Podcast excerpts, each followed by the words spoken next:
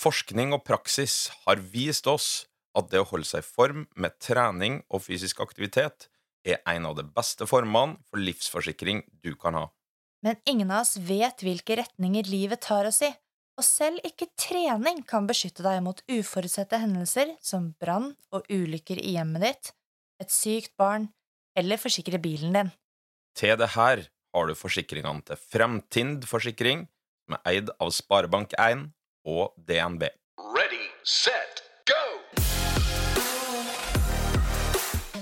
Velkommen til prestasjonsprat med Eirik og Melina. Hei, Melina. Hei, Eirik. Eh, vanligvis så bruker du å starte med fot i bakken. Den gangen her så tenker jeg at jeg starter med fot i bakken. Det har jo, vi har jo starta med samlinga igjen, så jeg kommer egentlig rett fra den ja, kall det ordentlig samling nummer to i år. Da har vi vært på Sjusjøen. Nydelig høstvær. Eh, fikk faktisk litt frost på natta, så at det tikker mot eh, vinter enkelt og greit. Og Sjusjøen eh, er jo en destinasjon vi har vært på veldig mange ganger, både på barmark og, og på vinterstid, og den skuffer veldig sjelden, og ikke denne gangen heller. Nei, det er alltid bra å trene på Sjusjøen. Jeg har jo vært på mange samlinger selv her, både barmark og på snø, men ikke denne gangen. Jeg har stelt hjemme. Men ikke for det. Jeg føler at det har vært relativt travelt ja, med innhold på den sosiale kalenderen og ja, liksom prøver å henge med på litt møter her og der og ja, jeg syns liksom tida bare flyr. Ja, tida flyr. Eh, når der frostnatta kom, så fikk jeg liksom Da ble det en sånn oppvåkning for mitt vedkommende at uh, dægeren, det er jo ikke lenge siden snøen gikk.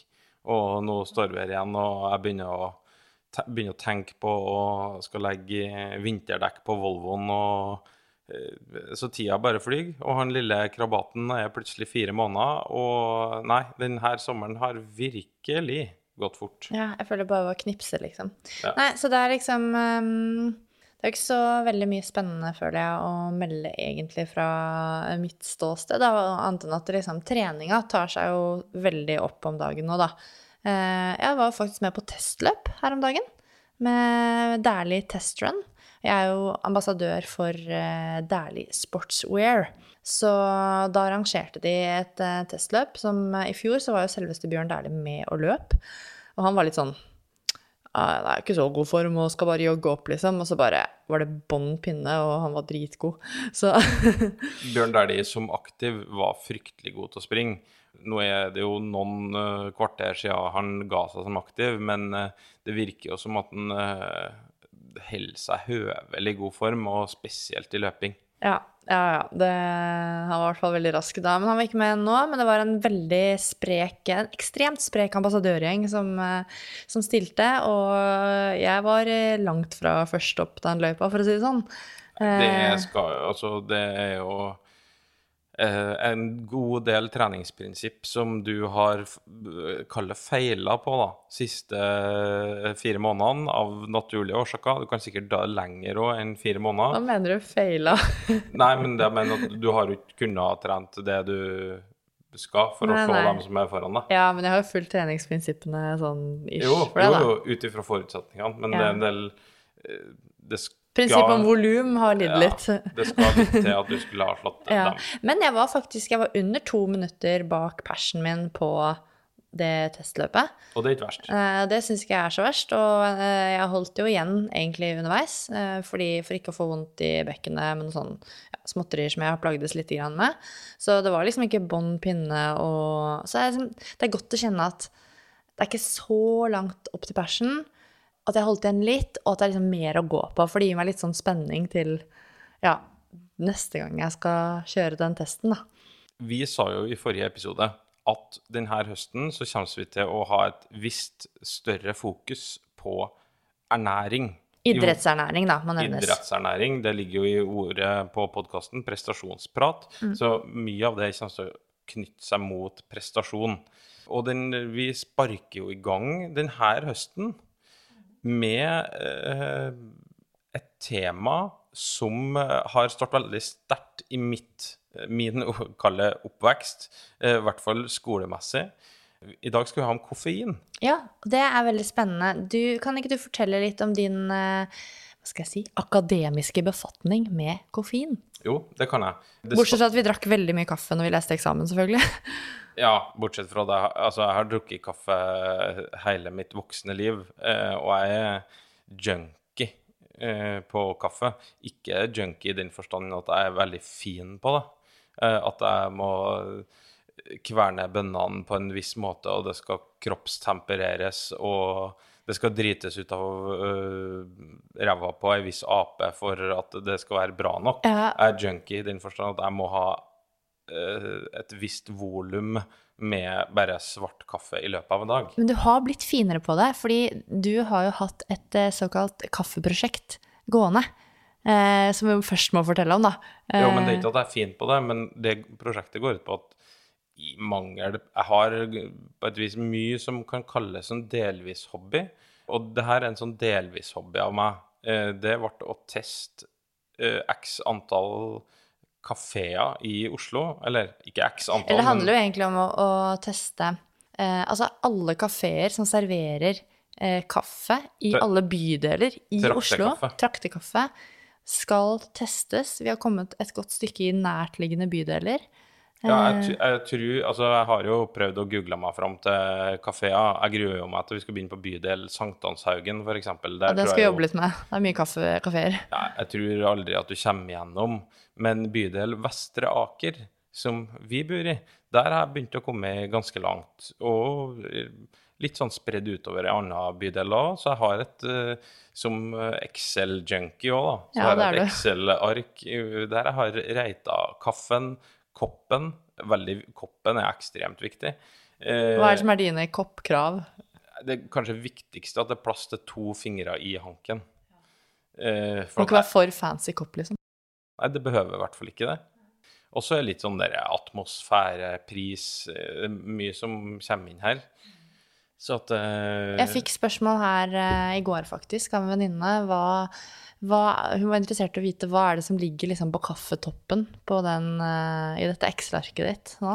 Ja, altså eh, Det blir jo ganske jevnt, da. Jeg reiter jo fra null til ti eh, på alle kategorier. Og mm, faktisk så er en kafé ikke så langt unna CC Vest, som heter Kafé Grønn, som ligger øverst. Og det, er- der har vi jo vært flere ganger. Jeg- nå har jeg ikke Excel-arket foran meg, så jeg husker ikke på hvilk, hvilken kategori det er som gjør at den er øverst. Men eh, den kan jo ikke ha vært eh, heslig kaffe, i hvert fall. Nei. Så sånn er Sånn er det. Men eh, Men i tilbake til det akademiske. tilbake til det akademiske, ikke bare min eh, addiction eh, til koffein og kaffe. Um, vi må fort tilbake til 2006-2007, tenker jeg. Eh, I hvert fall det har, tilbake til når jeg starta å være trener. For at på et visst tidspunkt i løpet av de årene der, så ble jeg trener sammen med en som heter Hans Christian Stadheim. I som- Lyn ski, da. i Lynski, som eh, da gikk noen år eh, over oss på Norges idrettshøgskole. Jeg ble trener sammen med han, og vi eh, var trenere sammen i veldig mange år. Og så begynte han etter hvert også på en doktorgrad, og i den forbindelse skulle vi begynne på en mastergrad. Da hadde han noe behov for noen som gjorde noe forsøk eh, for seg, og sånn sett kunne gjøre masteren sin på hans doktorgradprosjekt. Og det er den veien jeg ble dratt inn i koffeinens verden eh, av da han, min ekstremt gode kollega Hans Christian Stadheim, som også nå er landslagstrener for Great Britain i langrenn. Så vi, har jo, vi er jo for så vidt også kollegaer den dag i dag. Hva var det oppgaven din gikk ut på, da?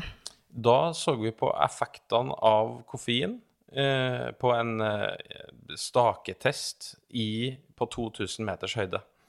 Eh, vi drog eh, uheldigvis ikke da til Alpene og lå der i x antall uker og kosa oss, men vi Det er et såkalt lavtrykkskammer på NIH. Jeg kan kalle det et høydehus. Det ser ut som en liten Eller det ser ut som en ubåt. Ja, det er en liten ubåt. Eh, hadde den eh, vært gul, så kunne jeg kalt det en yellow submarine, eh, men den er grønn, mener jeg å huske. Så der brukte jeg x antall timer inni på 2000 meters høyde og testa Jeg lurer på om det var ti, jeg. Veldig flinke forsøkskaniner som dedikerte kroppen sin til forskning. Der vi testa ut effektene av koffein. Og det her ble jo da Enden av visa ble jo da det her en vitenskapelig artikkel som ble publisert eh, til da doktor Koffein, eh, doktor Hans Christian Stadheim, eh, på hans da doktoravhandling. Ja, vi skal linke til eh, disse artiklene i de såkalte show-notatene. Så Og det er jo Dere fant, hadde jo noen spennende funn også. eh, Ja da. Så eh, for de som er eh, spesielt interessert eh, i spes, altså spesifikt eh, utholdenhet og koffein og prestasjon, så kan jeg anbefale å lese doktorgradsartiklene til eh, Hans Christian Stadheim. Definitivt.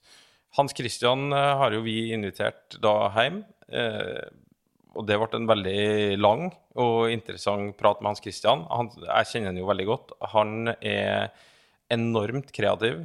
Han er enormt kunnskapsrik. Og eh, putter du på han en tier, så prater han eh, om alt eh, han kan om det temaet. Så vi prøvde å tømme han for kunnskap eh, om eh, koffein og prestasjon. Og vi har eh, tatt med masse av spørsmålene som vi fikk sendt inn, og det er jo litt av det som gjør at episoden også Ja, den ble av en viss størrelse. Så jeg håper at, og tror at både dere og vi får svar på masse av det vi lurer på. Og så må jeg også bare legge til at Eirik og jeg hopper litt sånn inn og ut av episoden, fordi ja, vi hadde ikke noe barnevakt. Så hvis det er litt sånn stille fra den ene, så ja. Men det, det fløt veldig fint, og vi gleder oss til å dele denne episoden her med dere. Kos dere. Så da ønsker jeg egentlig deg, Hans Christian, bare hjertelig velkommen. jeg. Tusen takk for det. Som vanlig når vi har gjester, så er det første jeg spør om, er om de kan ta en liten kort introduksjon av seg sjøl. Så det kan jo du få lov til å begynne med. Du, eh, jeg heter Hans Christian Stadheim, 34 år. Kommer fra Sunnmøre. Jeg har en doktorgrad fra Norges idrettshøgskole. Og så er jeg til daglig nå trener for Storbritannia sitt langrennslandslag. Så vi er jo du er egentlig arge konkurrenter, og det er dine utøvere prøver å slå mine utøvere, og vice versa. Ja, det, den statistikken har kommet ganske dårlig ut av så langt, må jeg ærlig innrømme. Jo, men det skal, skal, jo, det skal jo sies det at eh, Storbritannia har et eh, relativt slagkraftig langrennslandslag i forhold til hvis vi sier tre år tilbake. Så er det jo ganske imponerende det dere har fått til med den gjengen dere har. Eh, Det jeg syns jeg om skal skryte litt av oss sjøl, med Jostein og her de andre utøverne, så syns jeg, eh, med tanke på materialet vi har, så syns jeg det har vært gode resultat. Og hvis vi tar vekk disse her utrolig gode nordmennene, så hadde vi faktisk fått med oss eh, tre medaljer fra C-feltet også. Så eh, du gjør en for god jobb nå også. Det, det, det er konklusjonen vår. Ja, det er et veldig spennende lag, da. Det er det å følge med på, syns jeg i hvert fall. Det er hyggelig. Nei, men vi får se. Vi, vi får prøve å ta en medalje nå hvis det blir noe VM til vinteren. Og så kommer det et OL som vi har som liksom den store tingen i nærmeste fremtid. Vi skal komme enda mer inn på uh, Great Britain etter hvert. Men det er jo ikke bare fordi at du er en hyggelig kar at vi har invitert deg til podkasten vår. Uh, som du sjøl var inne på, så har du doktorgraden din fra Norges idrettshøgskole. Så har det seg sånn da, at uh, som dere kanskje hørte i introen, så var det en doktorgrad som jeg var en liten, en, en liten del av. Ja. Jeg gjorde masteren min på egentlig det samme temaet, Mm. som er koffein. Og det er et tema som vi har fått mye spørsmål om tidligere Mm. i forbindelse med prestasjon. Og derfor så tenkte vi da ringer vi til doktor Stadheim eh, og lager en eh, litt sånn, eh, ikke bare basic, men prøve å dykke litt dypt ned i eh, det her molekylet koffein, Ja. som eh, er så vanlig, Ja. eh, og hvilken effekt det her har på, på prestasjon. Da. Så, og vi kan jo begynne veldig enkelt med hva er egentlig koffein? Koffein er jo et uh, molekyl, uh, som de fleste andre grunnstoff er. Uh, og vi får jo det hovedsakelig vi i oss gjennom dagligdagse produkt. Kanskje det som er mest kjent, er jo da kaffe. Men så har du jo også slike ting som energidrikk, som Red Bull eller Battery, og så har du jo te.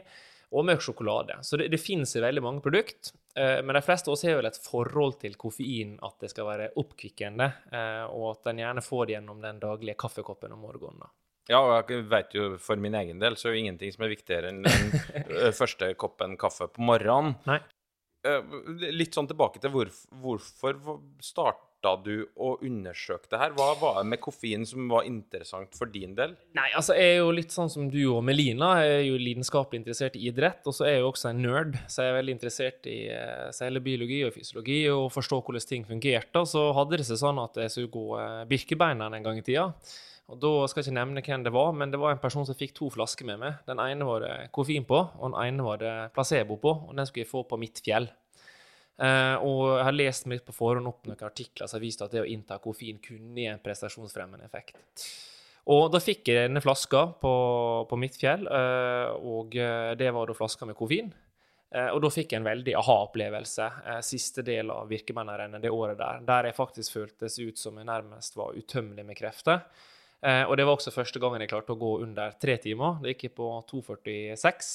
Og det, Det er ganske langt under tre timer. det er ganske langt under tre timer, eh, så det hadde nok litt andre grunner enn kun- at jeg inntok koffein på mitt fjell. Men da begynte interessen min for dette her å, å øke, og så var det rundt samme tidspunktet som Red Bull ble lovlig i Norge å selge. Og det var ikke pga. koffeininnholdet, men eh, B12-vitaminmengden som ble redusert til halvparten for det norske markedet. Så kom jeg inn på det, og så uh, skrev jeg en master om det, som du også har gjort. Og så gikk det videre, da slag i slag, med en doktorgrad etter hvert.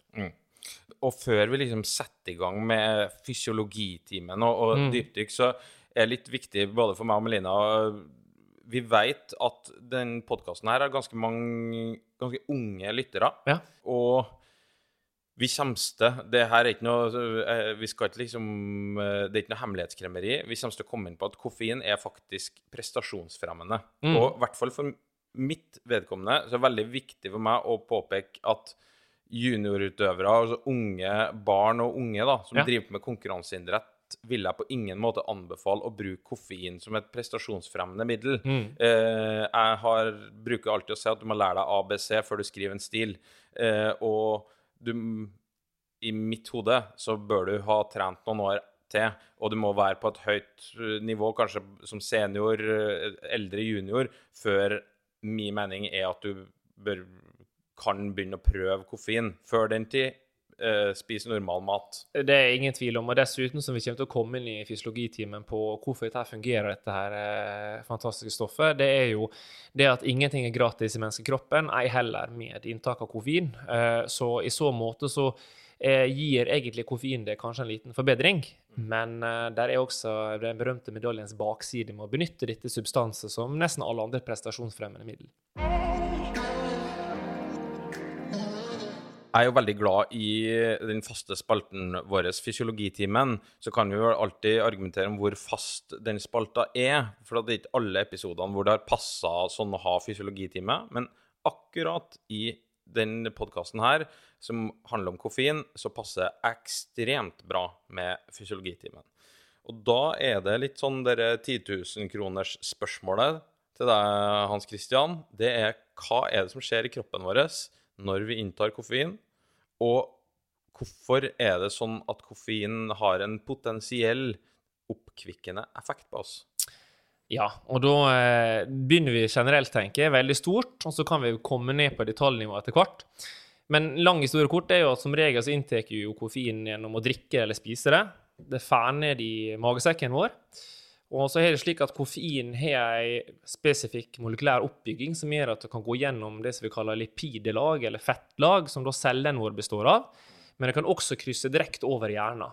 Og Det gjør at det er veldig effektivt til å kunne egentlig vandre fritt i kroppen og påvirke ulike funksjoner i menneskekroppen.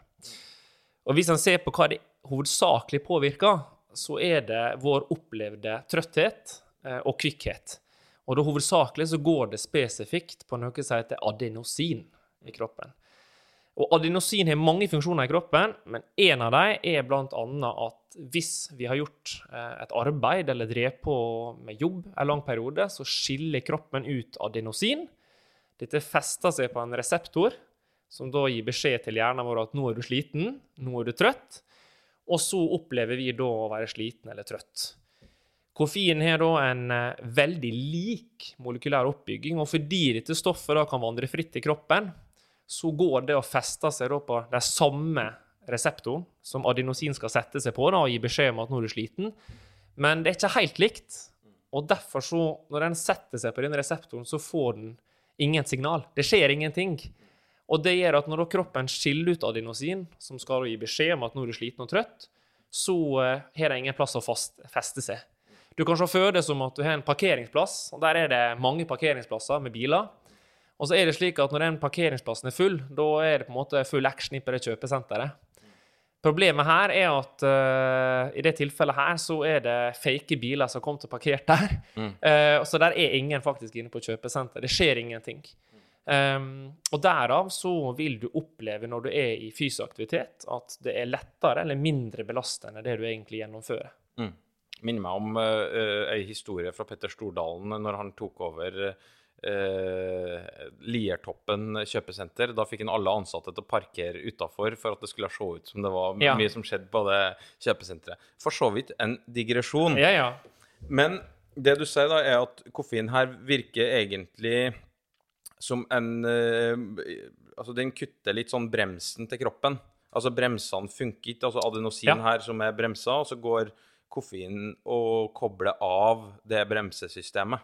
Helt riktig. Og dette her er jo da, som jeg sier, adenosin finnes jo overalt i kroppen, men spesielt det som er relatert til våkenhet, smerte og opplevd anstrengelse, så er adenosin bremse i kroppen vår. Altså det blir frigjort for at vi skal redusere eh, aktivitetsnivået vårt, fordi at kroppen oppfatter at vi begynner å nærme oss overbelasta eller at vi er slitne. Så det er et slags sikkerhetssystem da, for å beskytte kroppen for overbelastning. Eh, Er det, du sier jo her innledningsvis at uh, koffein det går over eh, den såkalt blod-hjerne-barrieren Yes. og påvirker også da sentralt eh, i hjernen. Ja. Er det først og fremst i hjernen at, det, at vi blir påvirka, eller er det også annen plass i kroppen? Dette er jo det som på en måte er det som er vanskelig, da. I og med at koffein kan bevege seg fritt i kroppen, så kan det påvirke sp- direkte organ. Altså det kan påvirke lungene våre, det kan påvirke hjertet vårt. Eh, og det er ikke kun hjernen på en måte det påvirker, så det er vanskelig å vite nøyaktig hvor eh, disse adenosinreseptorene blir blokkert, da, som vi sier på fagspråket, eller inhibert. Um, så det vet ikke en helt nøyaktig. Men det en vet, det er at eh, det er veldig effektivt for å redusere opplevd anstrengelse ved fysisk aktivitet. Eh, og det bringer oss på en måte tilbake til Hvis en skal på en måte illustrere hvordan dette fungerer, da, så kan vi si at jeg og du er nå på et treningssenter, jeg er PT-en din, og så sier jeg Eirik, nå skal du springe en intervall fire ganger fire fra én til ti, der, der ti er makssmerte eller anstrengelse, og én er å ligge i ro, da. Så sier jeg når du skal springe fire ganger fire nå, så skal du være på åtte i opplevd anstrengelse. Når du da får koffein, så vil du oppleve at den åtteren din på 10 km i timen detter ned til 7. Så da øker du hastigheten din opp til 11 km i timen og får 80 opplevd anstrengelse. Det er et slags bilde på hvordan koffein går inn og påvirker det. Um, men det er jo slik at uh, i min doktorgrad så var vi veldig interessert i å finne ut ja, men hvorfor i alle dager klarer du å holde denne her opp, altså denne forhøye hastigheten som du har på 4 ganger 4 hvorfor klarer du å holde det i lengre tid? Em, som dere har pratet om tidligere i, i, poden podden deres, så må du ha energi for å utføre et arbeid, og da må du enten produsere den anarobt uten oksygen, eller aerobt med oksygen. Og skal du holde på over lengre tid, som vi gjorde i min doktorgrad med de fleste av studiene, så må du ha økt inntak av oksygen i cellene dine, altså ta opp større mengde oksygen, eller så må du utnytte det på en mer effektiv måte. Og, øh, og da er vi jo inne på litt om Jeg, jeg syns jo det der er en veldig sånn spennende øh, vei. Altså for jeg, jeg tipper jo veldig mange av våre lyttere har jo prøvd å tatt i på et tidspunkt i livet sitt og kjent at Eller konkludert etter ei økt at smerten tok litt sånn Det var den som gjorde at jeg måtte redusere Ja. hastigheten, eller at jeg ikke klarte å øke hastigheten noe mer. Ja. Altså, det Jeg vil si nesten hver eneste økt så er for mitt vedkommende smerten en veldig sånn begrensende faktor for hvor vondt jeg gidder å ha det. Eh, og Jeg har jo prøvd koffein sjøl, of course, eh, og det er jo helt definitivt det jeg vil si er sånn som jeg Altså den måten det har påvirka meg mest. Mm. At jeg, jeg syns ikke at det er like ubehagelig. Nei. Og, og eh, hvis en da skal begynne å eh, kanskje gå litt inn på detaljene rundt det, akkurat det med smerte, da, så, så igjen må vi tilbake til disse adenosinreseptorene og hvordan det fungerer. Men smerte, veldig sånn easy ABC, eh, er jo da gjennomført at vi har eh, noe som heter A-fiber og C-fiber. A-fibrene våre de er da myelinerte, dvs. Si at de går direkte, det går veldig fort. Det er da nervesignal, eh, elektriske stimulering. Og Der har vi to forgreininger av disse A-fibrene våre. Det ene heter beta, det andre heter delta.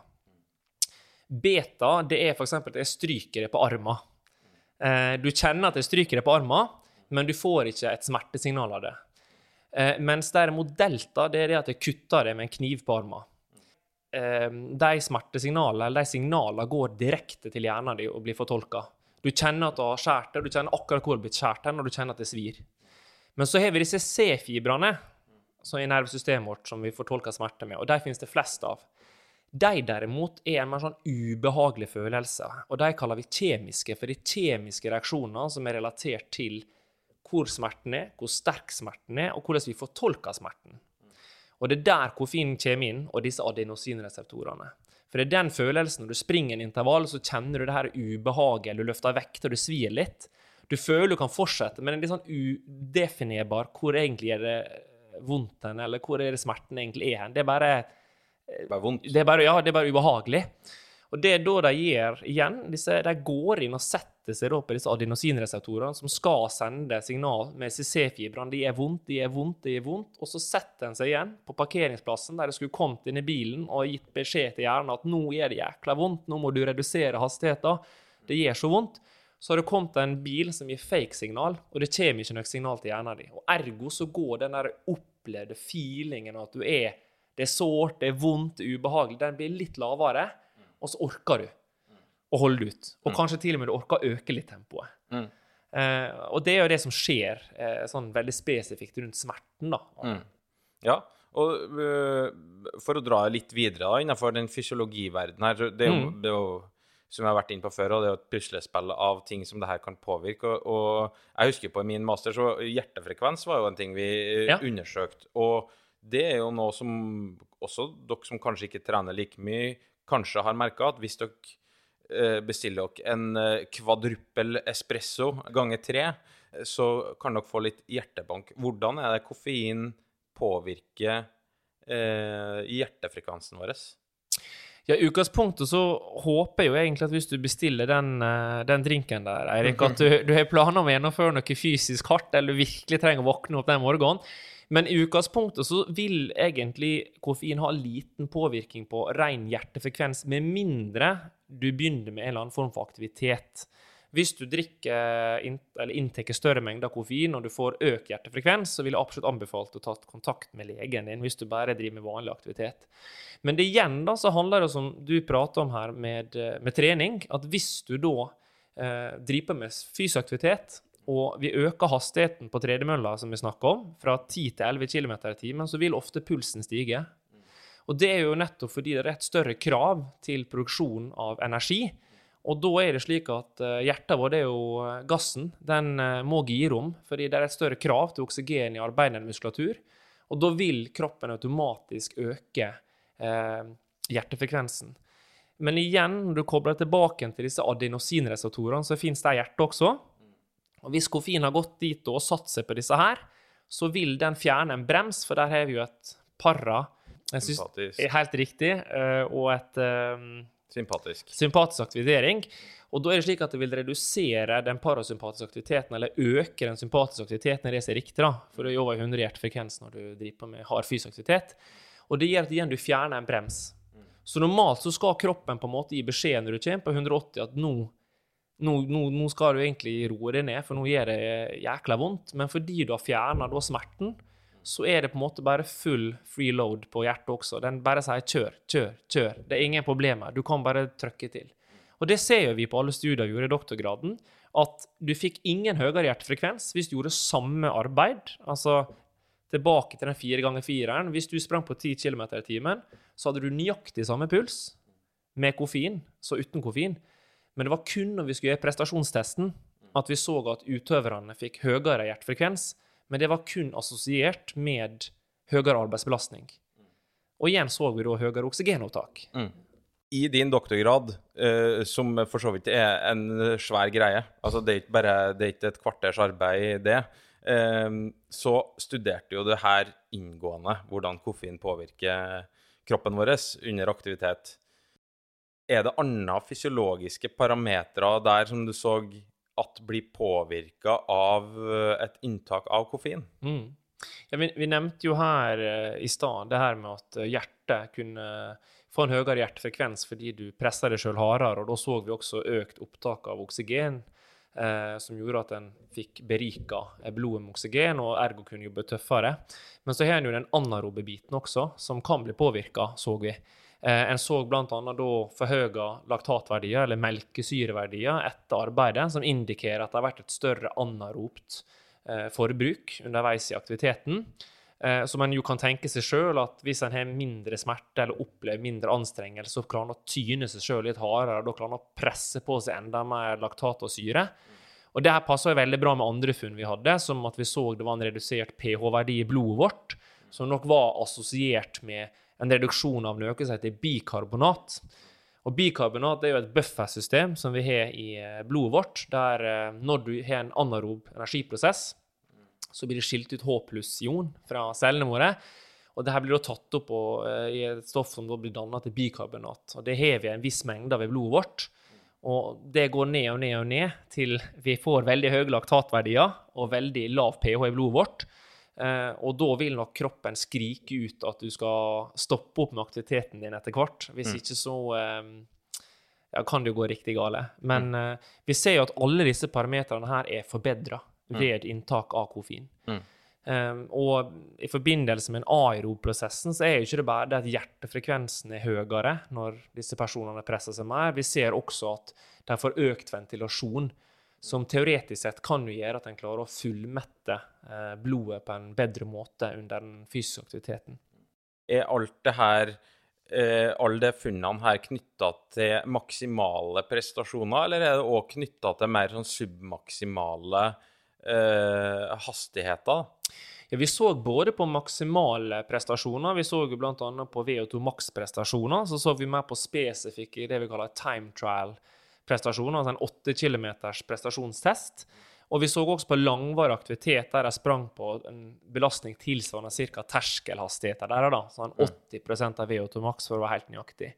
Og det vi ser, er at funnene er veldig like. da. Mm. Eh, at eh, ved samme arbeid så ser vi samme hjertefrekvens, vi ser samme laktatverdier, samme ventilasjon, samme bikarbonat. Men det er først når vi ber utøverne nærme seg sin maksimale prestasjon, så ser vi at de rett og slett klarer å tune eller presse systemet sitt mye mer. Altså de får mer ut det de er gode for, er vel egentlig det de gjør. Mm. Jeg kan jo ta med en gang også, mens vi er i den fysiologitimen her er, eh, For at vi har vært tidligere og veldig opptatt av å si at det er jo forskjell på folk. Altså, ikke bare innenfor koffein, men innenfor egentlig fordi at kroppene våre er forskjellige. Eh, er det sånn at du har både respondere og mer non-respondere innenfor koffein, og hva er i så fall grunnen til det? Nei, det, det en, eh, en vet, er jo at det er absolutt noen som er non-respondere, og så er det noen som er high responders, og så er det noen av oss som bare er sånn midt på tre responders. De fleste av oss er midt på tre. Så hvis du har på en måte ti personer, så vil to av dem være high responders. De vil få en voldsom effekt av dette her, og en utrolig stor prestasjonsforbedring. Så har vi de normale av oss, vi får en liten forbedra yteevne. Og så har vi da ca. to av de ti som da får ingen effekt i det hele tatt. Og herre bringer jo fram det spørsmålet, for da, vi har jo allerede egentlig offentliggjort at det her er prestasjonsfremmende. Mm. Og det vil jo få mange til å spørre, men altså Trekk fram ordet doping, da. Ja. Eh, hva er grunnen til at koffein er et lovlig eh, middel å benytte seg av, når det i så høyeste grad er prestasjonsfremmende? Det er jo absolutt et veldig godt spørsmål. Og eh, nå skal ikke jeg sitte her og si at det her er grunnen, men, men for det første så er det tre punkt som skal på en måte være oppfylt da, for at du skal kategorisere et middel som eh, dopingmiddel. Det skal være prestasjonsfremmende, og i det tilfellet her så er det absolutt prestasjonsfremmende. Det skal være helseskadelig. Og Der sliter de egentlig med å finne at koffein er helsefarlig. Faktisk, Hvis en ser på longitudinelle studier, så eh, virker det som koffein både er positivt for å motvirke Alzheimer, Alzheimers, eh, diabetes type 2, eh, fedmesykdommer. Um, så tvert imot, det virker nesten som inntak av koffein er positivt for helse. Og det siste er at det skal skade omdømmet av sporten. Eh, ja, det er vanskelig å på en måte si at det å drikke kaffe i forkant av et idrettsarrangement skal være skadelig for omdømmet til idretten. Men det er jo mange middel som er prestasjonsfremmende, som vi kanskje tenker på som er helt naturlige. Altså det er klart, Disse sportsdrikkene som både jeg og du, Eirik, driver på langa ute i skisporet, består jo av forskjellige sukker, eh, sukkertyper, forskjellige salttyper, og det er jo absolutt kunstig framstilt i et laboratorium. Det er jo ikke vi har vært ute i marka og tatt noen bær og skvisa dem og så gir vi det. Så det også er jo va- vanvittig prestasjonsfremmende på langvarig aktivitet. Men det er ingen som ville tenkt at en sportsdrikk er doping. Mm. Så det er et vanskelig spørsmål, eh, men det er vel grunnen, tror jeg, at Mm. de ikke oppfyller de to siste kravene. Du som doktorgradsstipendiat på akkurat dette temaet har jo lest mye forskning på akkurat koffein. Du har ikke bare gjort forskning, du har lest mye forskning. Um, er det gjort òg mye studier på koffein og hvordan det påvirker oss mentalt, eller er det meste knytta opp mot hvordan vår fysikk blir eh, Eller hvordan vi fysisk blir påvirka? Det, det, er nok, det er gjort mye rundt mental prestasjonsevne også, men kanskje ikke i så stor grad uh, i den forstand at det har knytta direkte til idretter som sjakk, f.eks., som er jo en absolutt mental idrett. I den forstand at du må holde hodet kaldt og må kalkulere ting hele tida. Men det som er interessant, er jo at uh, i de idrettene hvor det har blitt gjort, så ser en jo en økt uh, eller reduksjon i error, altså feil, da, som disse personene gjør på sjakk, blant annet. Er det sett veldig tydelig at hvis du har inntatt koffein, så vil du mot slutten av lange partier gjøre mindre feil, eh, kritiske feil, som medfører tap. Eh, og så har en jo da også sett at eh,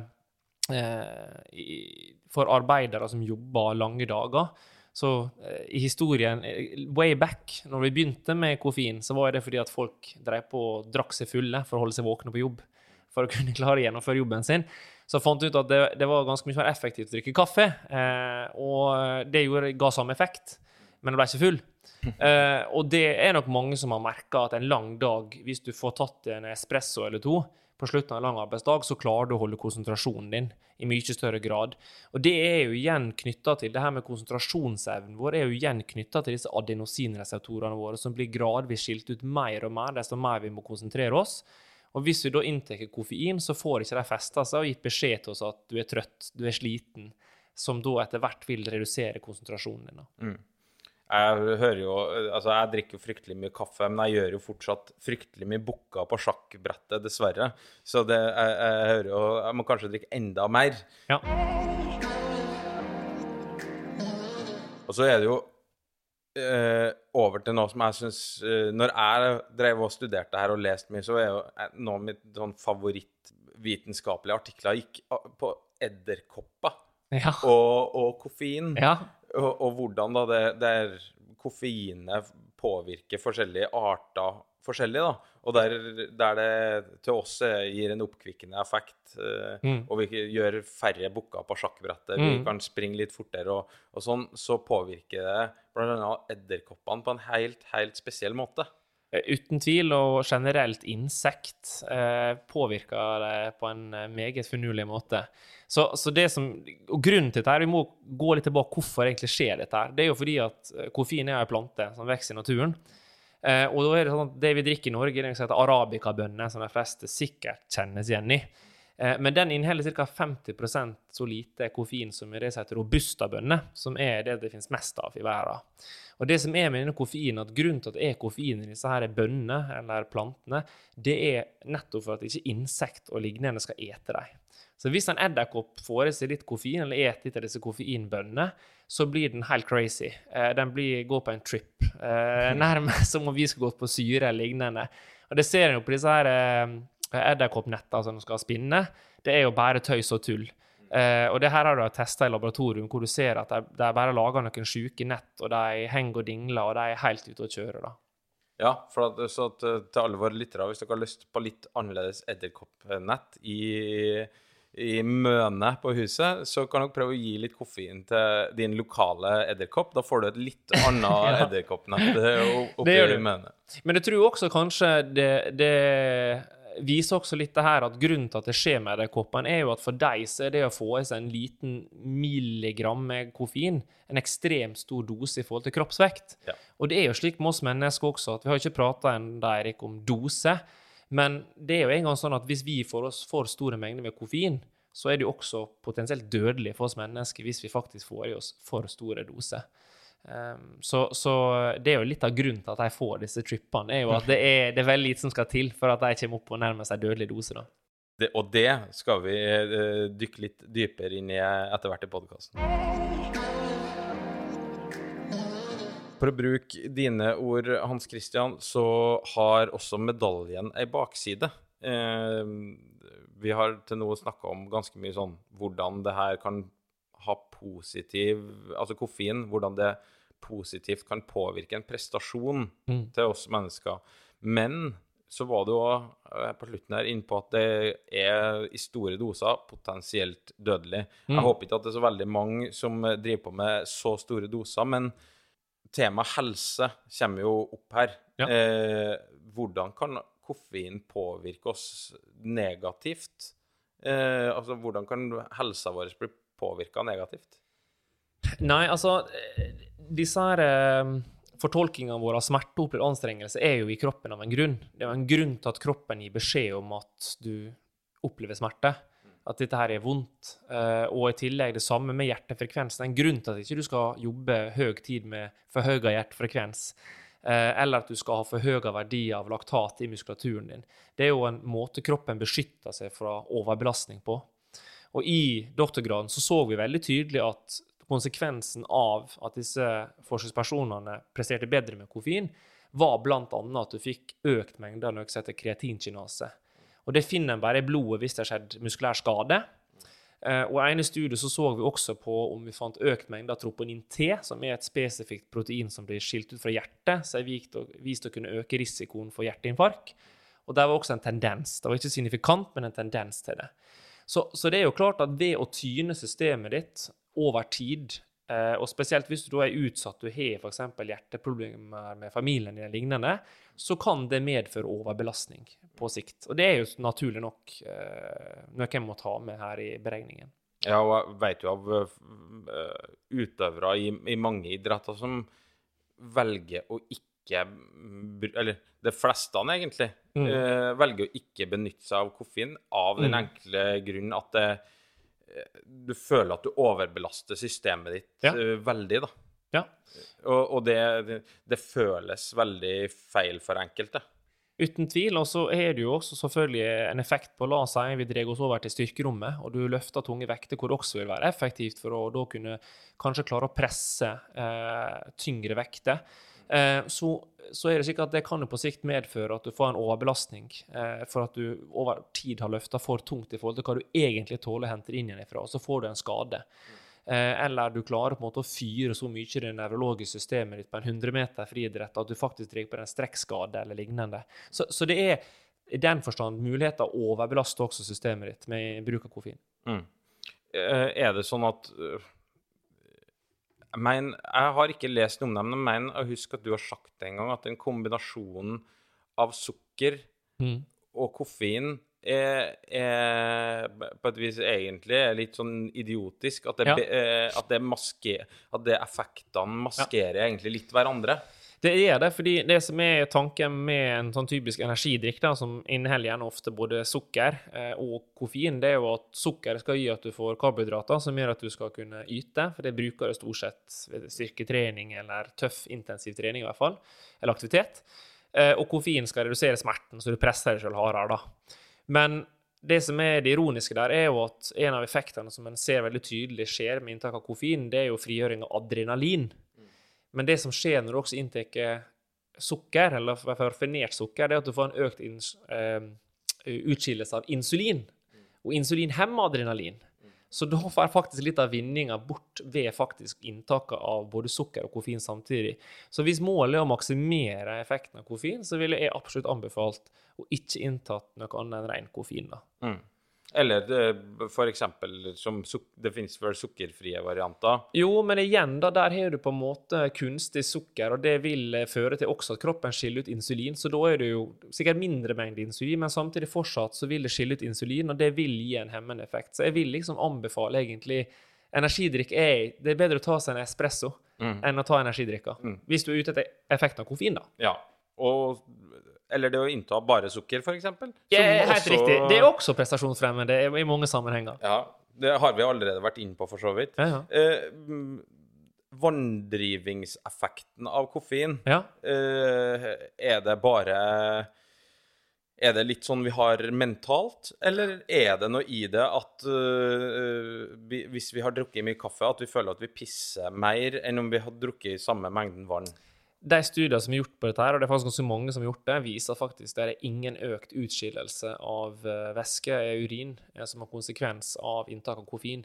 Derimot, hvis du trener tøffere, eller høyere intensitet, så vil du gjerne ha litt høyere kroppstemperatur, du vil gjerne svette litt mer, du vil gjerne puste litt mer, og ergo så vil du bli mer dehydrert. Men det er som en konsekvens av at du trener tøffere, ikke som en konsekvens av at du bare pisser ut. da. Så det er nok mer psykologisk enn hva det faktisk er fysisk. Og så er det i tillegg slik at hvis du drikker fire-fem kopper kaffe, da, så har du faktisk fått i deg 1-1,5 liter drikke.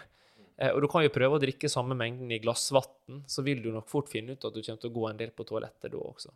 Ja, og det jeg, jeg tror jo det er litt sånne effekter av koffein. For, for meg så Jeg har jo testa noen ganger med å drikke koffeinfri kaffe òg. Mm.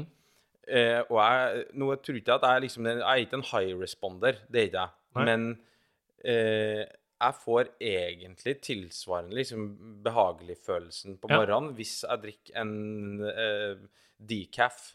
Det er litt den smaken og Ja. lukta Ja. som er av kaffe, og, og at det mentalt påvirker meg. Sånn, OK, hvis, hadde ikke jeg visst bedre, så hadde det, det her funka. Ja, ja, og det, det skal ikke en kimse av i det hele tatt, både lukt og smak. fordi igjen, dette her er jo da nervesignaler som eh, blir sendt videre opp til hjernen, som får tolka.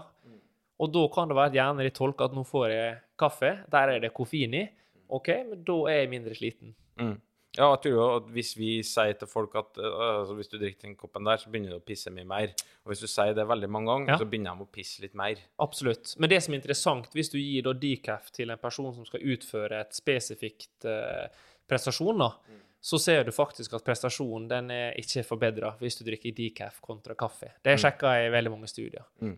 Ja, og det, og det er jo den måten du, jeg, husker på dine studier, er jo designa på at du ikke skal Du vet jo ikke hva du får i deg. Nei. Altså, det er dobbeltblinda studie, Yes. og det er litt av poenget. At du, hvis du skal eh, studere noe sånn som koffein, da, så må du ikke eh, vite hva du får. fordi at da begynner placeboeffekten, som vi kanskje skal komme inn på i en senere podkast og, og, og, og ta for oss temaet placebo. Ja, ja. Eh, som for så vidt er en jækla viktig effekt. Veldig viktig effekt. Eh, men det må du liksom fjerne da fra de studiene. Og jeg husker på vi drev og blanda det i sukkerfri saft. Yes. Det er helt riktig. Funlight var det vi brukte for å komme kamuflere igjen. Jeg var jo inne på det ganske tidlig her med en sånn disclaimer på det med barn og ungdom. Eh, at jeg er jo litt sånn forsiktig på det her temaet med å anbefale det her. Eh, med tanke på at vi har ganske mye unge også lyttere, som er veldig hyggelig. Mm. Eh, men kan koffein potensielt være skadelig for barn og unge? Det er jo ingen tvil om at i den alderen som barn og unge er i, så er du i en fase der eh, du vokser og skjer veldig mye. Generelt så er kroppen jo et veldig stor belastning bare rett og slett av det at du blir eldre. Eh, og som jeg nevnte her på helsebiten, så er jo det slik at det er ingen tvil om at det å innta koffein medfører en større belastning for kroppen. Altså en bruker lengre tid på å hentes inn igjen. Og i tillegg, det det medfører, er jo da igjen at du sover igjen dårligere. Du får mindre REM-søvn, eller REM-søvn. Eh, og i så måte for yngre, yngre personer så vil jeg sagt det er mer enn nok i å eh, trene. Og hvis du ønsker å prestere bedre, så skal jeg love deg at det å stå en time ekstra på Løkka og sparke den fotballen versus det å ta seg en Red Bull, gir det tusengangeren i forhold til prestasjonsforbedring. For det er ikke snakk om sånn at du, du går ifra å springe 3000 på 12 minutter til 10 minutter. Det er snakk om her. Det er snakk om liksom en 10-15 sekunder. Så trening vil alltid knuse inntak av koffein. Ja. Eh, og spesielt for barn og unge så er jo det Tren mer, så blir Ja. du jækla mye bedre enn å innta disse tinga her. Kan du heller vurdere det den dagen du skal kjempe om OL-gull? Ja, da er du kommet opp på et nivå der du lever av dette her. Eh, men du har så mye å hente på når du er barn og ungdom på det bare å være mer i aktivitet. Så prioriter heller det.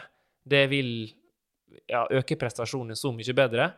Og for min egen del så kan jeg si at når jeg var barn og ungdom, det er jo noen år siden da, Eirik, vi var unge og lovende, men, men jeg fikk jo ofte hold når jeg inntok eh, sportsdrikk eller lignende. Og det er jo klart at det, det er jo lettere å få når en er yngre, syns iallfall jeg det når jeg er eldre.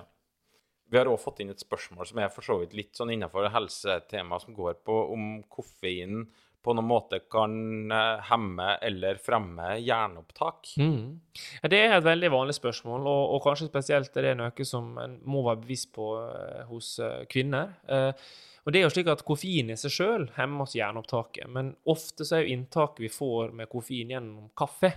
Og kaffe inneholder antioksidanter. Antioksidanter er jo veldig bra for veldig veldig mye, men én ting som antioksidanter gjør, er jo at det reduserer opptaket av jern i kroppen vår. Så det er egentlig antioksidantene i kaffe som er problemet, ikke koffein. Ok, da går vi litt mer inn i prestasjonsverden. Det er tross alt prestasjonsprat, dette her. Så er det sånn, Hans Christian, at uh, hvis du inntar koffein, at du alltid får en prestasjonsfremmende effekt? Nei, vi må jo på en måte si nei på det svaret der, for vi mm. prata litt om det i stad. Der er noen som er non-responders. De vil ikke få noen effekt av interkofin. Eh, og så er det litt med Det er også hva type aktivitet du driver på med. Mm. Eh, men jevnt over så vil de fleste av oss få en liten forbedra prestasjon hvis Ja. de inntar koffein. Vet man noe om hvor mange som er respondere eller non- non-respondere? Ja, vi nevnte kort at det er ca. 20% men det vil jo variere veldig. sant? Ja. Eh, Og det her var jo da i utholdenhetsstudiet, så er den da, ser en det er litt mindre responder rundt styrke, men det har kanskje litt mer med sensitiviteten på det å måle faktisk om du løfter tyngre da, når du eh, har tatt koffein, versus det er liksom kanskje litt lettere på en utholdenhetsprestasjon der du har sekunder. Ikke sant? Det kan være metodiske ting som gjør at det er vanskelig å avdekke hva som er hva. Mm. Mm. Men én ting er jo eh, styrke- og eh, utholdenhetsidretter. Mm. Men hva med f.eks. presisjonsidretter, sånn som skyting, Mm. eller idretter som krever ekstremt høy, ta eh, høy mental kapasitet? Mm. Eh, kan man få en prestasjonsfremmende effekt av koffein der, tror du? Jeg har faktisk ikke lest noen studier på det med skyting. Nei, det var bare et Eh, eksempel, Nei, nei, men nei, men det er et, et, godt, et veldig ja. godt innspill. For i teori, teorien så vil du tenke at du vil kunne klare å holde fokus oppe, da, for du er mindre mentalt utmatta. Mm -hmm. uh, men jeg ville sagt at eh, da må varigheten på skytinga være så lenge at det begynner å bli en begrensning å holde den mentale konsentrasjonen oppe. Ja. Eh, Det kan jo også være f.eks. at du blir gira fordi du har økt frigjøring av adrenalin. Mm. Så får du høyere hjertefrekvens, og så blir du litt for gira. Det er så- ikke en fordel. Nei, nettopp. Så det, det kan jo være at det har en uh, motsatt effekt. At du faktisk blir for gira, og så klarer ikke du å holde konsentrasjonen, og så skjelver du litt, og så Ja. du.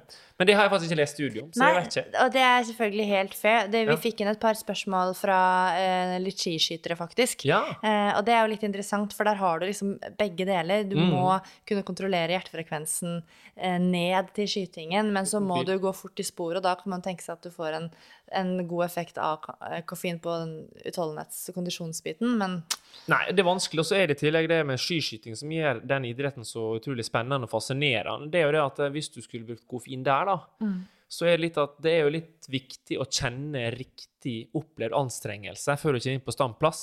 ja. For Vi prata litt om det i stad, at når du da reduserer en opplevd anstrengelse, så kan det være at det går litt for fort inn til skyting, og da ser en ofte hva som skjer hvis utøvere skal gå inn til skyting og har gått litt for hardt. Da blir det litt mer lotto om jeg treffer disse blinkene eller ikke. Det blir litt mer kant ut. Så, så, så, ja, nei, det blir mer kant ut. så det er jo et spørsmål om, om det er gunstig. Du må i hvert fall kvalitetssikre at du ikke går for fort inn til standplass, da, og at du overvurderer dine egne evner. da. Mm. Eh, og vi diskuterte jo en del det i doktorgraden, det her med pacing. altså Det er jo Ja. optimalt legge opp hastigheter i. da. Og det må vi komme litt mer tilbake til. Mm. Det fins jo veldig mange forskjellige produkter som eh, skal eh, gi deg en påstått, i hvert fall, eh, prestasjonsfremmende effekt. Altså produkter som har koffein i seg. Ja. Av ting jeg kan komme på, så vet jeg i hvert fall om tyggis, Ja. noen tabletter, Ja. energidrikk, kaffe selvfølgelig, og sånt noe. Og det fins vel noen strips òg, Ja, ja, det fins plast der, og det fins Ja. det som du kan tenke deg Ja, med koffein. Ja. Ja, og har det noen betydning hva, hva slags produkt man bruker? Er det noe produkt som bedre, man vet har bedre effekt enn noe annet? Nei.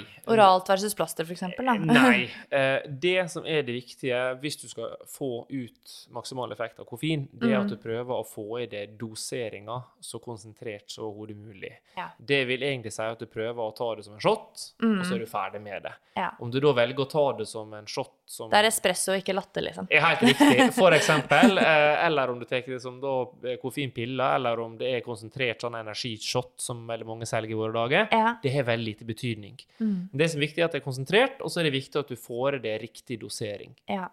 Så sånn sett så kan man nesten si at det er bedre å bruke en shot enn å skulle helle i seg de største boksene med energidrikk, eh, som kanskje i tillegg har kullsyre. Nå tenker jeg på meg selv hvis jeg skulle ut og løpe et løp her. Nei, det, det vil jeg være helt enig i. Jeg, jeg personlig vil si at det, det, beste er hvis du skal bruke det her for å forbedre prestasjonsevnen din, Mm. så tar du det som en shot. Ja. Eh, og minst mulig væske og minst mulig tøys og tull. Ja. Eh, og så må du eh, få i eh, rundt 3-4 milligram per kilo kroppsvekt. Ja. Det er det som liksom er sweet spoten. Sweet spoten, ja. Det, det kan jeg huske at jeg har lest noe i samme, samme leia. Og, det, og så har jeg også fått noen spørsmål om dette her med mengder og konsentrasjoner og sånn. Ja.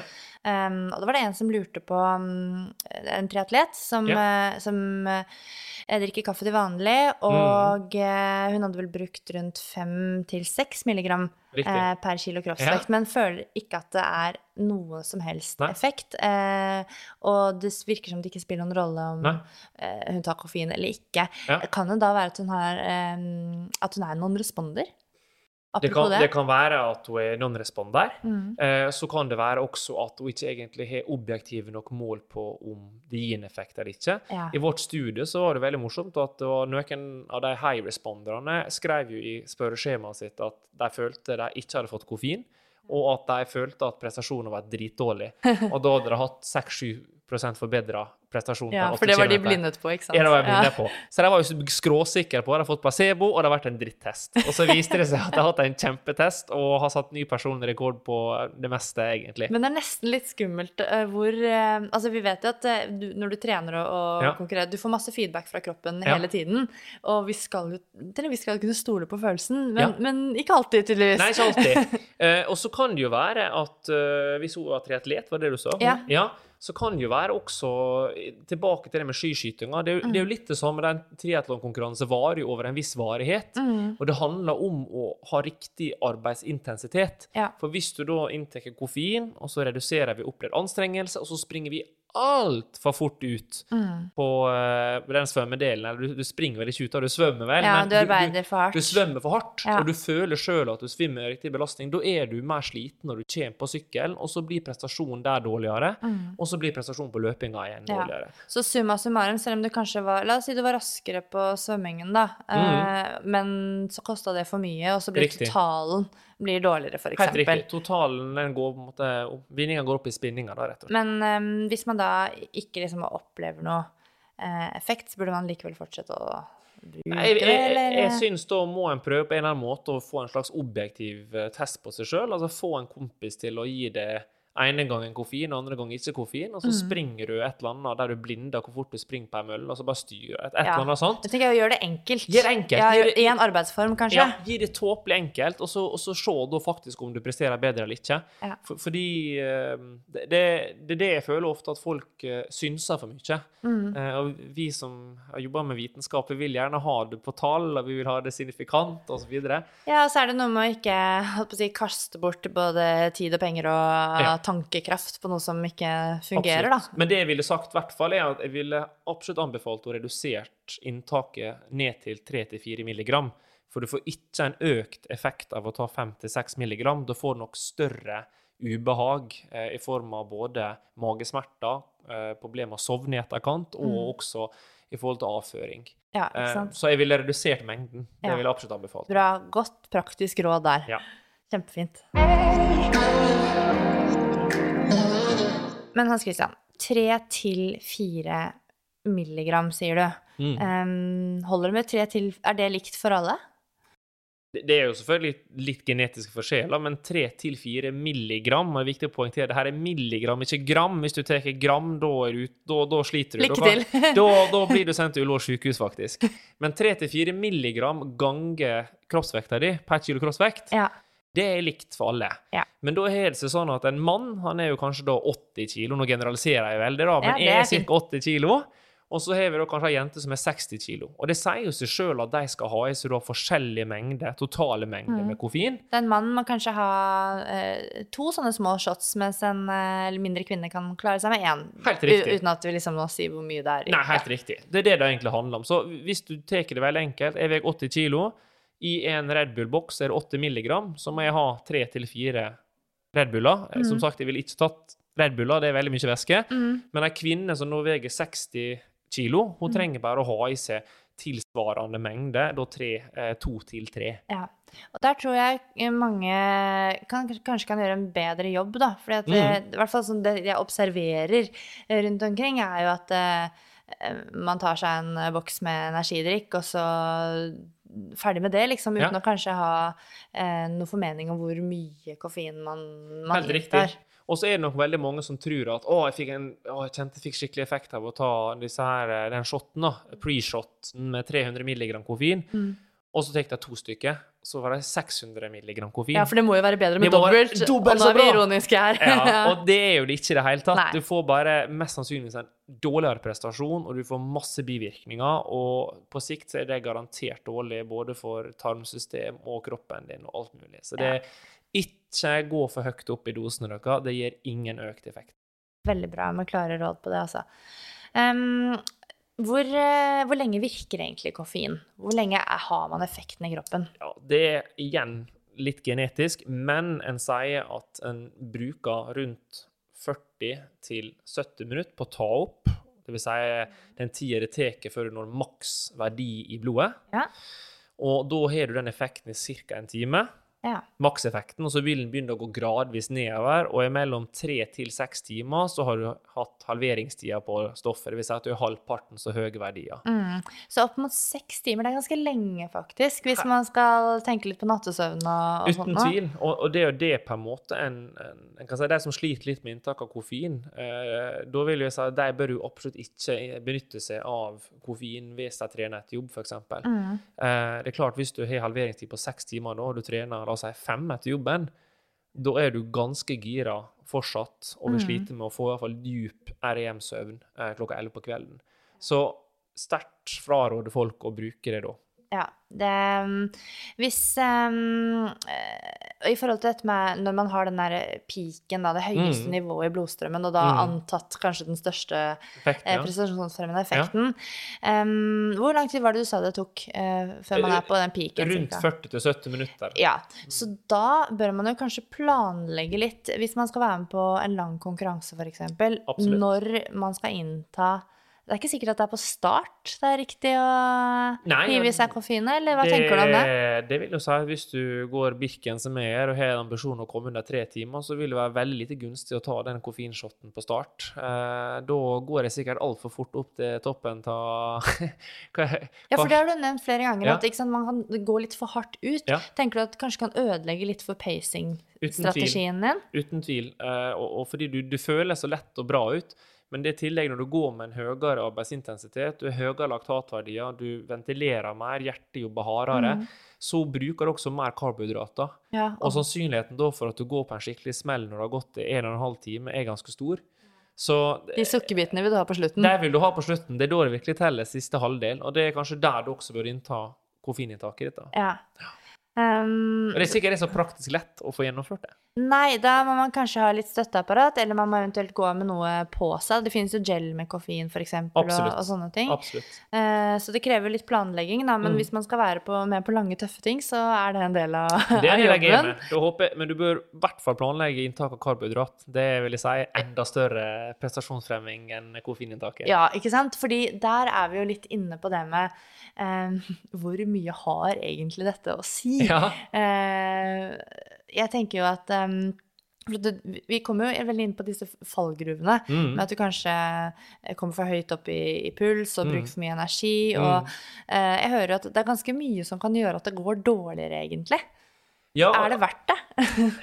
det, det der blir jo et, en, en vurdering hver enkelt må gjøre. sant? Mm. Men, men det jeg kan i hvert fall si, er at de fleste av oss sliter jo med, med å få puslespillet i hverdagen til å gå opp.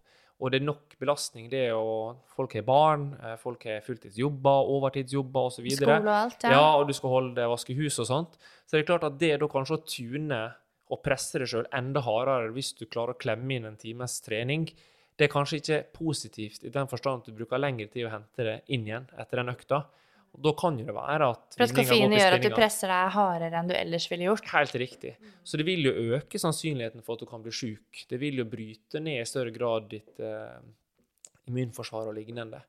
Og det er jo på en måte eh, Som jeg sier, der er alltid Det er ingenting som er gratis. Nei, Hvis det er alltid en bakside.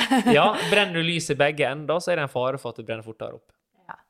Um, ok, så det, det, man skal rett og slett tenke seg litt godt om da, man, i forhold til koffeinbruk i treningshverdagen spesielt, kanskje? Jeg ville fraråde folk å bruke koffein annet enn eh, altså Gjerne ta en kaffekopp før du skal på trening. Ja, men det, jeg, jeg snakker jo litt mer om denne strukturerte, planlagte Ja. bruken med oppmåling i forhold til milligram per kilo Ja. kroppsvekt. Det er litt annerledes det enn en kaffekopp til lunsjen. Uten tvil. Så det er det jeg vil sagt. Jeg vil ikke ha brukt større mengder. Disse dosene jeg prater om, 3-4 mg, vil jeg kun ha benytta ved særdeles sjeldne anledninger for å få maks effekt av det.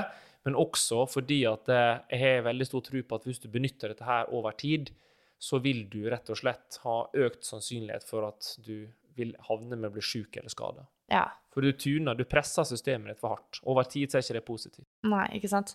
Det holder jeg med deg. Og um, da kommer vi litt inn på dette her med em, Er det sånn at hvis man bruker mye koffein over tid, at det får dårligere effekt? For eksempel hvis jeg er en Altså, kaffe er en av mine hverdagsluksuser. Ja, ja, ja. Det er, jeg elsker kaffe. Gjerne litt sånn jålekaffe som jeg kjøper på en fin kaffebar. Ja. Men jeg drikker en god del kaffe. Ja. Og jeg har jo tenkt på det noen ganger, for jeg vet at jeg responderer på koffein. Mm. Men jeg har jo tenkt på det at jeg, burde jeg kutta litt, sånn at jeg får bedre utnytting av koffein i konkurranse. Hvordan er det egentlig med det der? Nei, det, det er slik at uh, i utgangspunktet så tror jeg ikke du trenger å kutte veldig ned på hvis du drikker én til to kaffekopper om dagen. Det tror du kan nyte med god samvittighet. Men det er klart, hvis du inntar opp mot la oss si fem-seks kopper om dagen, som en del mm. personer gjør, så er det ingen tvil om at hvis du gjør det over tid, så vil du få en mindre kick av Ja. inntak av koffein. Så uh, hvis målet ditt er å maksimere effekten av koffein, så vil jeg anbefale folk å frastå fra produktet. Og produkt som inneholder koffein, Ja, i hvert fall ei god uke. Ja. Da vil du få en god effekt. Eh, men det blir litt som med alle andre ting. Hvis du ikke spiser karbohydrater per uke, og så får du liksom spise litt smågodt på fredagen, så smaker det smågodt utrolig mye bedre enn hvis Det er fredag. så det kan være en placeboeffekt i den biten der, da. Ja, ikke sant. Ja. Eh, men en effekt eh, nonetheless, Det er det, uten Mm. tvil. Uten tvil. Um, men kan man bli helt immun, tror du, mot eh, effekten av koffein, hvis man er en stordrikker eh, av dette her? Det viser iallfall ingen studie er tilfellet. Og i min doktorgrad så delte vi opp deltakerne med det vi kalte non-users, eh, middle users og high users av koffein. Det vil si, no-users er jo folk som ikke inntar noen form for koffeinholdig produkt i hverdagen. Eh, Og det kas- kategoriserte vi som under 50 milligram. Så du Ja. kunne drikke liksom en halvliter Coca-Cola. Ja, for da tenkte jeg sånn Å, ikke noe Pepsi Max engang! Eller nei, Cola. nei, nei. nei, det går bra. Det går bra. Men, men eh, og så hadde vi de som var middle eh, consumers. De, de inntok kanskje to til tre kaffekopper, og hei var over. Og vi så ingen forskjell i effekt ved inntak av koffein i min mine studier. Så for de som drikker kaffe, don't worry, men kanskje reduser eh, to-tre dager i forkant hvis du skal bruke det. Ja, ikke sant. Ok, Hans Christian. Doktor Stadheim, hvis jeg nå har lyst til å bli skikkelig rå eh, på hvordan jeg skal benytte meg av dette ergogene stoffet, Ja, ja. eh, koffein eh, La oss si jeg skal gå Birken, da. Ja. Eller delta i et eller annet langdistanse, og vil ha det perfekte opplegget i Ja. forhold til inntak, timing, og hva skal jeg tenke på? Hvordan ville du gjort det? Du er jo en mester i dette. Men mester i det, men, men eh, jeg har en veldig klare tanker om hva jeg gjør sjøl hvis jeg benytter meg av Ja, for jeg vet at du har testa ut litt. Jeg har testa ut uh, You gotta practice what you preach. Ja. uh, og, og det første er jo at til alle, hvis du skal bruke et slikt uh, prestasjonsfremmende middel, så bør du være sikker på at du ikke har noe historikk i familien med hjerteproblematikk og sånne ting. Det er sånn, det er litt viktig, liksom. Ja, Eh, Man må legge det til grunn. det må du ha til grunn. Du må være frisk og rask og vise at du ikke har noen slike familiære problemer, eller at du er i risikogruppa. Men hvis jeg hadde visst det, så hadde jeg begynt med å eh, teste ut dosene jeg skal ha mm. eh, på ei ganske tøff treningsøkt en to uker før konkurransen min, for å vite at jeg får effekt, og vite hvordan det påvirker meg. Det har jeg gjort en del ganger, så det vet jeg jo. Og da vil jeg ha eh, fra stått koffeinholdig produkt ca. fem-seks dager før konkurransen, så hadde jeg inntatt det sti- stimulerer koffein eh, ca. 30 minutter før konkurransestart. Og da tenker jeg kanskje først og fremst er jeg glad i å løpe, så det her er kanskje mm. fem eller ti kilometer. Ja, men det er et fint eksempel. Ja, eh, og, og da ville jeg tatt det ca. en halvtime før, slik at jeg nådde peaken min når det var igjen ca. 10-15 minutter av Ja. det løpet. For du vil ha den selvfølgelig litt uti der. Ja, jeg vil ikke ha den i starten. Jeg vil gjerne at jeg skal ha kontroll og kjenne faktisk de feedbacken som kroppen gir meg på start, så jeg er sikker på at jeg har kontroll, jeg åpner ikke for hardt, jeg har kontroll på alt, at det ikke går på en smell. Jeg peiser det riktig, og når det virkelig begynner å svi, når det er kanskje en ti minutt, tre-fire kilometer, så hjelper koffeinen min bare rett og slett å få ut min maksimale yteevne på den dagen. Mm. Og da tenker jeg når man kommer inn mot, eh, mot slutten der, da, Ja. eh, av løpet, og det må jo være en effekt i det å bare vite at du har inntatt koffein òg, tenker jeg. Ja, uten tvil. Og så er det jo eh, Det jeg føler kanskje spesielt til koffein, eh, det er jo det at jeg, jeg, jeg merker det veldig godt på pusten min. For jeg merker veldig godt at eh, hvis du er i god form, så føler iallfall jeg personlig at ofte så er det på en måte ikke beina som stopper det, det er nesten at du ikke får nok luft, så du liksom du hyperventilerer veldig. Og det er på en måte et veldig godt tegn. Da vet du på en måte at nå, nå er ikke det begrensninger. Det, det er bare det at jeg må puste nok. Ok, vi har med en sånn ganske ivrig eh, kar her å gjøre. Når hyperventilering er sånn, det er godt tegn. Ja, det er et godt tegn. Nei, men jeg skjønner hva du mener. Det er, og, da, da, og da blir du så klart gira i tillegg, for du Ja. kjenner at nå fungerer kroppen. Du ser kanskje ned på Ja, klokka, du ser at tida er adrenerg. bra. Ja. Så, så selvfølgelig. Uh, og det er jo en placeboeffekt i tillegg, at du kjenner at nå, nå er jeg virkelig eh, opp mot maksnivået. At jeg kjenner at jeg liksom klarer å få ut det jeg er god for. da. Det er en Ja. utrolig god følelse. Det er fantastisk. Ja. Det, det høres ut som vi er helt sånne der caffeine lovers her, men, Ja, men uh, du blir jo litt frelst hvis du er responder, da. Eh, jeg husker også jeg gikk, uh, har gått Birken et par ganger, og det har aldri gått spesielt bra, men det var en gang jeg hadde så trå start, og det var skiene funka ikke helt, og liksom, det, var liksom, det var ikke optimalt på noen som helst måte. Og så kom jeg, jeg husker ikke hvor, akkurat i løypa hvor det var, men det hadde gått ganske lenge, og så sto Eirik klar med en koffeinshot til meg, da. Eh, et eller annet sånn sjølblanda greier. Og, og bare det at jeg visste liksom at jeg hadde fått Det bare ga meg så mye energi, og det er sikkert mye mind games der. Det det. Men, eh, men ja, det funka. Det funka. Men så må de også si at hvis jeg har gjort denne optimale på en måte, kan jeg si, oppladninga for å bruke koffein, Mm. så må jeg jo innrømme at all trening den påfølgende veka er dritt. Ja, for det var mitt neste spørsmål. Ja. Da vil du jo presse deg hardere enn du Ja. ellers ville gjort, må vi anta. Ja. For at smertetoleransen din blir annerledes. Og det tar kanskje lenger til å hente seg inn, da. Jeg bruker, jeg bruker i hvert fall uh, en god uke før jeg egentlig finner treningsglede igjen. etter en sånn, det, alt er slitsomt, alt er tungt. Jeg, jeg sover dårlig. Det er ingen tvil om at det påvirker også eh, avføringa og sånne ting. Ja, det er et lite varsko da, ikke sant? Det, er det, og det er uten tvil. og Derfor så vil jeg liksom, som sagt, jeg fraråde folk å bruke dette her i hverdagen. Det er ikke et middel du skal bruke.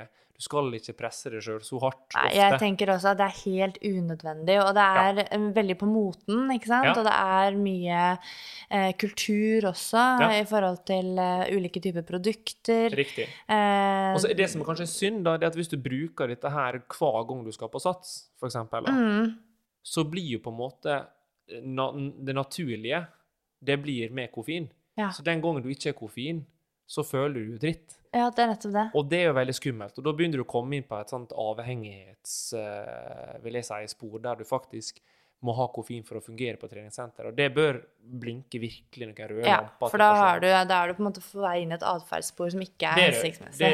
da er på en måte fokus og grunnen til at du bruker det uh, rett og slett feil. Uh, Mm. Det begynner med trening, og prestasjonsforbedringa er ikke så stor. Nei. Så tren godt, spis godt, søv godt. Da vil du prestere betydelig mye bedre enn Ja. ved å ta litt koffein. Fordi jeg tenker jo, for min tanke i forhold til det å bruke koffein, er jo det at da skal du ha gjort liksom hele din ABC, og Mm. du skal ha trent bra, du skal ha hatt fokus på å sove bra, spise bra, gjøre alle de der basicsene, eh, Mm. og i tillegg til den spesielle, mest spesifikke treningen, Mm. uten koffein. Du skal ha gjort alt det der, og så er det liksom den siste liksom prosenten. Og så tenker jo jeg òg, og det er jo bare Jeg holdt på å si i mitt hode, da, men jeg har jo holdt på å si siste sesongen nå som var Eller nå gikk jo ikke jeg på ski den sesongen som var, men den før der igjen.